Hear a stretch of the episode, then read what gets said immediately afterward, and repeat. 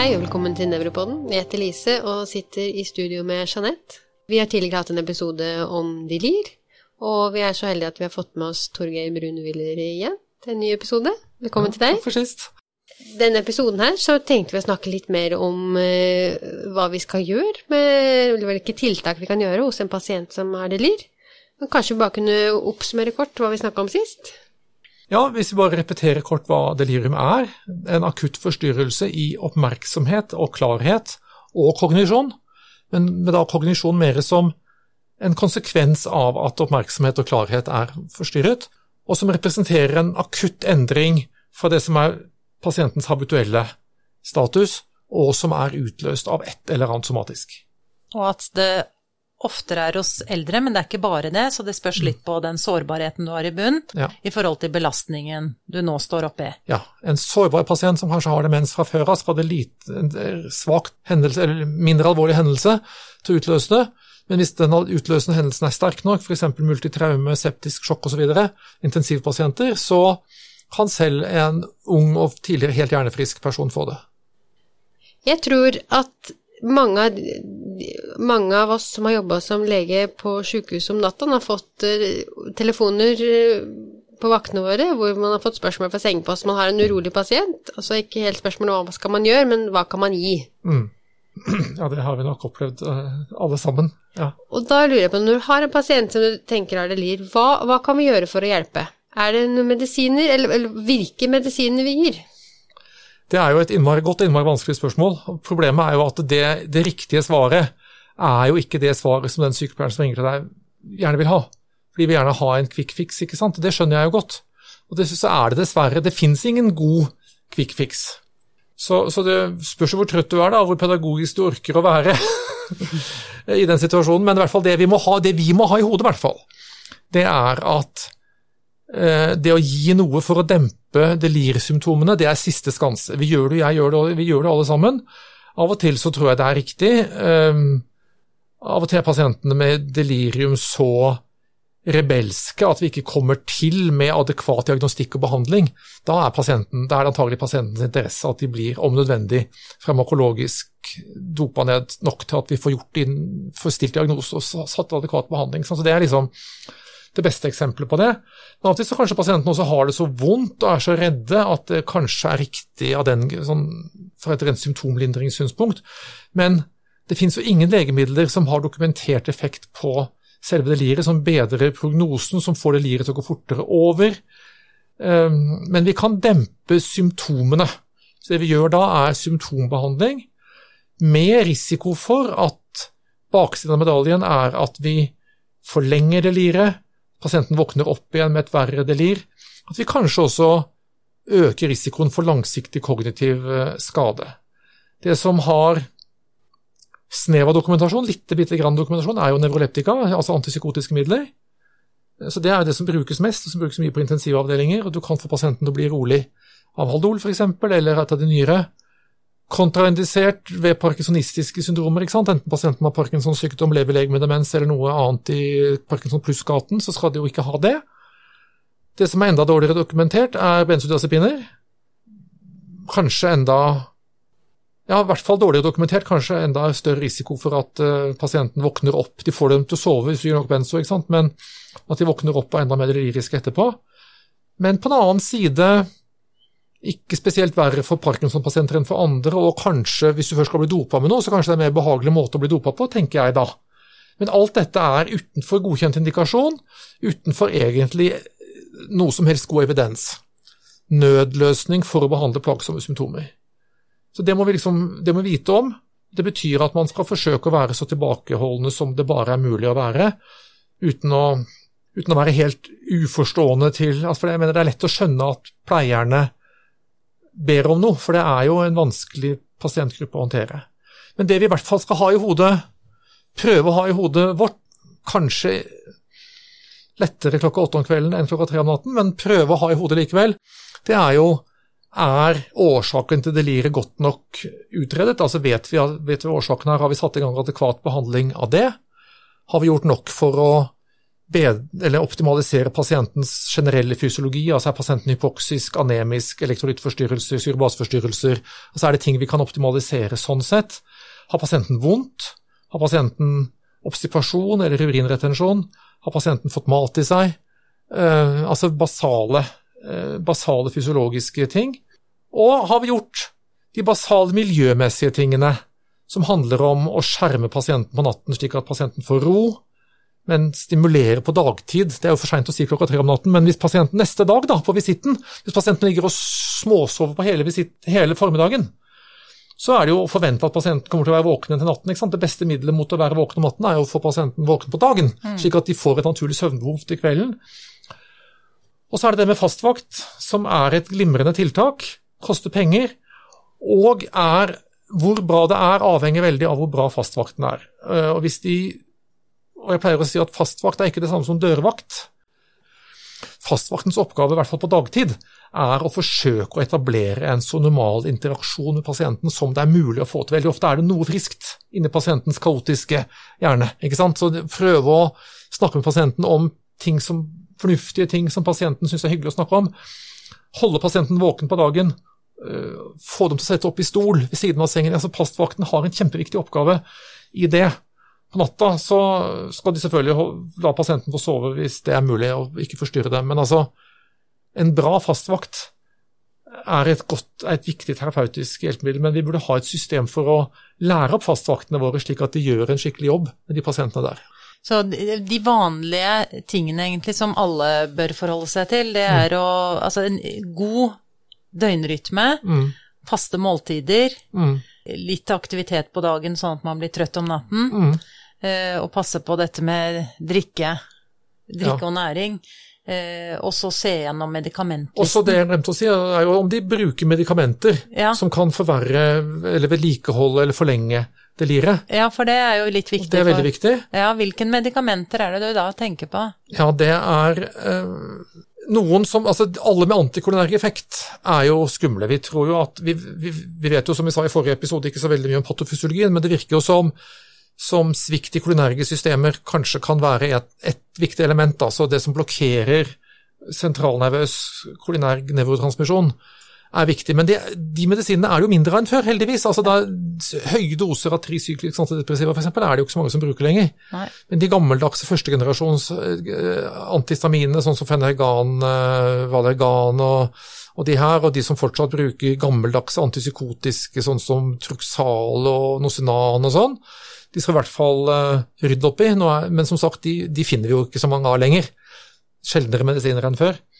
Men uh, disse urologiske, sånn som, uh, altså de som virker mot ørskinkontinens, sånn som vesikere detrositol og sånn, de er jo antikolinerge. De skal være, ha en selektivitet for den subklassen av muskarinreseptorer som er i blæra, men den sånn farmakologiske reseptorspesifisitet er jo ikke absolutt, så de virker på hjernen også. så gå gjennom medikamentlisten og se. Og så er det mange medisiner som, som kan være uheldige i en gitt kontekst. da, ikke sant? Altså F.eks. hvis pasienten er dehydrert, har nyresvikt, så er jo diuretika med på å gjøre situasjonen verre. Men hvis pasienten blir lyrisk eh, fordi de er i en hjertesviktdekompensering, så skal de selvfølgelig ha kanskje mer diuretika. Så det, så det blir jo veldig avhengig av, av situasjonen. Tenke, hvis vi tenker i nevrologigaten særlig, da, altså antiepileptika. Det er klart, antiepileptika er jo sløver jo hjernen, og, og, og, jo veldig mange av dem har jo kognitive bivirkninger. Man kan, det er lett å tenke seg at antiepileptika som en pasient tåler når de er i en stabil fase, kan virke uheldig når pasienten er svekket, men samtidig er det jo fryktelig uheldig hvis pasienten får epileptisk anfall. Så Parkinson-medisinene, både dopaminagonistene og levodopa, har jo kognitive bivirkninger. og i en sårbar situasjon kan gjøre, kan gjøre situasjonen verre, så ønsker vi ikke at pasienten skal få akuttsymptomer på akutt uh, seponering av de medisinene, det er heller ikke bra. Men, men uh, av og til tror jeg, hvis pasient, særlig hvis pasienten har sånne veldig eh, disse veldig livlige visuelle, visuelle hallusinasjonene som man ofte får i levodopa, at det kanskje når de, hvis de er akutt syke, at man skulle kanskje ta dosen litt ned mm. når, de dagene hvor de er mest ustabile, og så heller bare øke til, vanlig, til fast dose igjen når pasienten kommer seg. Mm. Så, men det liksom, å se gjennom hele legemiddellisten med de brillene og tenke hva er det her som kan gi kognitive symptomer Smertestille, da. Ofte så står man jo ja. der og må gi smertestille, samtidig som du vet at smertestillende smertestille også kan gjøre det samme, at det kan ja. forverre et eh, delirium. Veldig, veldig vanskelig balansegang, ikke sant. For du kan bli delirisk av uh, opioider, helt opplagt, og du kan bli delirisk av å ha dårlig behandlet smerte. Så det å forsøke å titrere seg frem, i hvert fall ta ut potensialet av perifertvirkende analgetika, sånn som paracetamol, så langt det går, da. Prøve å passe på at pasienten i hvert fall har fått full dose av det selv om det kanskje ikke er nok, så, så kanskje det reduserer opioidbehovet litt, ikke sant. Um, kan vi adjuvante smertestillende metoder på noen måte her? Steroider er, altså Kortikosteroider er vanskelig. altså Høye doser prednisolon, høye doser glykokortikoider kan man jo absolutt bli forvirret av. Samtidig så kan jo av og til kortison være fint fordi det senker inflammasjon og, og og kan virke smertestillende i seg selv og senke opioidbehovet og sånn. Så det er også et sånn tveget sverd som er avhengig av klinisk kontekst. Mm. Så det å gjøre, være en god kliniker og, og se ordentlig gjennom liksom hele pasientens situasjon, hele pasientens medisinske situasjon, og se hva kan vi optimalisere her, og hva av denne medisinlisten er gunstig nå, og hva er ugunstig nå.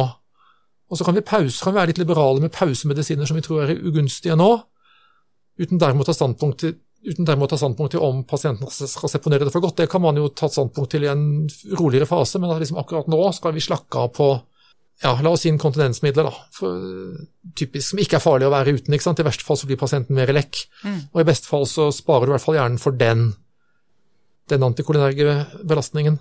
For å gå over på noe helt annet, altså hvilken rolle er pårørende her i behandling av delir sånn Kanskje ikke midt på natten klokken tre, men eh, ellers? Det er, fint, det er fint, du spør om. Jeg, jeg tenker at, uh, at, pårørende er en av og til litt dårlig utnyttet ressurs. Disse pasientene er jo, er jo redde, og de blir selvfølgelig enda mer forvirret av å være i et ukjent miljø. Så det at de ser et kjent fjes, at, de, at det er noen de er, stoler på, som er der, Kjenner til rutinene? Ja, kan, kan, være veldig, veldig nyttig. Og mange pårørende er jo litt redd for å være i veien i sykehuset. Og liksom tenker at jeg må gå hjem så ikke jeg går i veien for alle disse flinke menneskene som jobber her. Mm. Så si, Vi skal ikke forvente at de pårørende skal være til stede døgnet igjennom, men som, når vi kjenner at de pårørende er litt på tilbudssiden, og vi ser at det er en god relasjon mellom pasient og pårørende, å kunne si at du nå ser at moren din er såpass forvirret at det, hvis du har anledning til å være noen timer utover kvelden, så ville det være kjempefint. Det, det, tror jeg vi skal gjøre oftere, og det er jo virkelig Vi skal ikke, vi skal ikke måtte være der for å hjelpe oss eller for å hjelpe pleierne, men det er jo, det er jo et sannhet også mm. at det avlaster jo faktisk pleietjenestene ganske mye hvis en pårørende sitter på rommet noen timer. Men fremfor alt er det godt for pasientene, altså. Ja, ikke sant. Så det mm. kan også både forebygge delirium, og mm. det kan forkorte ja. Eh, et forløp. Og hjelpe, symptom, hjelpe på symptomene. Mm. Og være et godt alternativ til uh, all uh, Sobrillen og Haldolen og alt dette vi putter i pasientene. Kanskje, kanskje vi kan bruke det litt mindre. Dekstor, da? Ja, det er jo det som er lovende, er jo, eh, er jo eh, adrenerge alfa-2-agonister, som altså virker presynaptisk i, i uh, sympatikus, slik at du får en virker, altså Disse alfa-2-reseptorene sitter presynaptisk og gir en, en feedback-hemming. Um, og, og dexmedetomidin, som altså ser ut som Dextor, har jo seilt opp og blitt veldig populært i intensivmiljøet de siste årene. Brukes masse på intensiv. Men jo, det brukes jo bare som, eller fins bare som intravenøs infusjon, så det er lite praktisk anvendt. Og det har ganske store hemodynamiske effekter også, så det er vanskelig å bruke det utenfor intensivmiljøet. Eh, det, det er litt Dextor fins som nesespray. Uh, ikke registrert, og det er, tenker jeg kanskje er spennende. Det brukes nå mest til, uh, til enkel beroligelse av barn for sånne kortvarige, ubehagelige prosedyrer på barn. og så har vi den, gamle, den gode, gamle, velkjente klonidin, eller katapresan, som egentlig er farmakodynamisk veldig lik som Dextor, som vi jo har brukt i mange år, så det er jo en gammel blodtrykksmedisin fra før betablokkernes tid og som nå brukes på litt sånn smale indikasjoner. Litt, men, men, det er egentlig veldig lik eh, farmakodynamikk som Dextor, og finnes jo parallelt. Så vi et eh, vi, vi, tenker at hvis den har en lignende effekt på Delir som Dextor har, så har vi kanskje potensielt en medisin som kan brukes litt bredere enn Dextor. Så vi har et prosjekt nå hvor vi eh, ser på dette på pasienter som gjennomgår elektiv hjertekirurgi. Det er fordi at hjertekirurgiske pasienter har ganske høy forekomst av postoperativt delirium, samtidig som de jo er elektive, slik at det er mulig å få inkludert dem i en studie, få et ordentlig samtykke mens de er samtykkekompetente. Så vi pasienter som opereres, som er over 70 år, opereres elektivt hjertekirurgisk her på Ullevål eller Rikshospitalet eller Haukeland eller St. Olav eller UNN, og som vil være med, de blir randomisert til å få enten Dextor eller klonidin eller placebo som infusjon under operasjonen og inntil et døgn etterpå. Og Så skal vi se på forekomsten av postoperativt delir, og så skal vi se på hvordan de er kognitivt etter én måned og seks måneder. Fordi, som vi snakket om i forrige episode, vi tror jo at delirium er farlig for hjernen også på lengre sikt, og da vil, må man jo tro at et middel som kanskje hjelper på delirium på kort sikt, også burde gi gevinst i form av langtidskognisjon. Og det, det, har ingen sett på, heller ikke for Dextor. Dextor er relativt godt dokumentert at det senker forekomsten av delirium akutt her og nå, men langtidseffektene vet vi ikke nå. Og klonidin er gammelt og billig og forsket lite på, så det vet vi enda mindre om. Men eh, ja, dette er kjempespennende. Vi ja, håper å få randomisert 900 pasienter alt i alt på de fem eh, sentrene. Nå er vi oppe i 120-130 eller noe sånt nå, så det går fremover. Nå fikk, ja, nå fikk lytterne våre til og med en liten drypp ja. av eh, forskningen innen denne verden. Heminevrin, da? Heminevrin brukes, så vidt jeg vet, bare i Norge og Sverige og ingen andre steder i verden. Så det har liksom blitt en sånn nisje her. Mm. Enda dårligere dokumentert enn eh, enn de andre jeg snakket om. Men prinsipielt er det jo nokså sånn rent sederende, så jeg tenker at det er kanskje et alternativ til benzodiazepiner, men, men, ikke noe bedre enn benzo, sannsynligvis. Jeg er vant til å bruke det mest på delirium tremens, ja. Er det ja. riktig? Ja, det, har, det, har, vært brukt en god del på delirium og andre årsaker også. Ja. Det, er, det, er, en måte å få pasienten til å sove på, da. Ja. Men det er jo på en måte, hvis du gir høy, høy nok dose av benzodiazepiner, så er det jo det du oppnår da også. Så lite dokumentert det også? Veldig lite dokumentert. Ja. Så vi er utenfor, vi er utenfor all evidens og utenfor all godkjent indikasjon, egentlig. Men vi gjør det jo av nød for å dempe Det vi må vite, er at vi i beste fall demper symptomer, men vi gjør ikke noe terapeutisk i forhold til selve deliret. Og omkostningene i form av fare for forlenget delirium, fare for forverret delirium, fare for fall og andre bivirkninger av disse medisinene er ganske høye. Mm. Så det er ikke noe quick fix på det spørsmålet ditt, Lise. Nei. Jeg tenker at du må opp og se på pasienten og så komme inn med din kliniske tyngde, eh, rolig, og se gjennom medikamentlister og utredning, og kanskje også gjøre litt sånn miljøtiltak. Ja. Og så trygge pleierne, ikke ja. minst det å kanskje stå litt i det. Og Det er ikke så lett klokken tre om natten, og det skjønner vi alle, men, men, det er faktisk ikke noe annet svar enn det. Eller det, det er det beste svaret, det du, akkurat det du sa nå. Mm. Det er et godt svar. Syns vi har fått en fin oversikt i dag òg, jeg. Det har vi. Igjen, tusen hjertelig takk for at du kom. Takk for at jeg fikk komme, og for at jeg er interessert. Og dette er et spennende, et spennende tema. Det er et spennende tema å snakke til nevrologer om, for det er jo en sånn dramatisk og akutt hjernesvikt.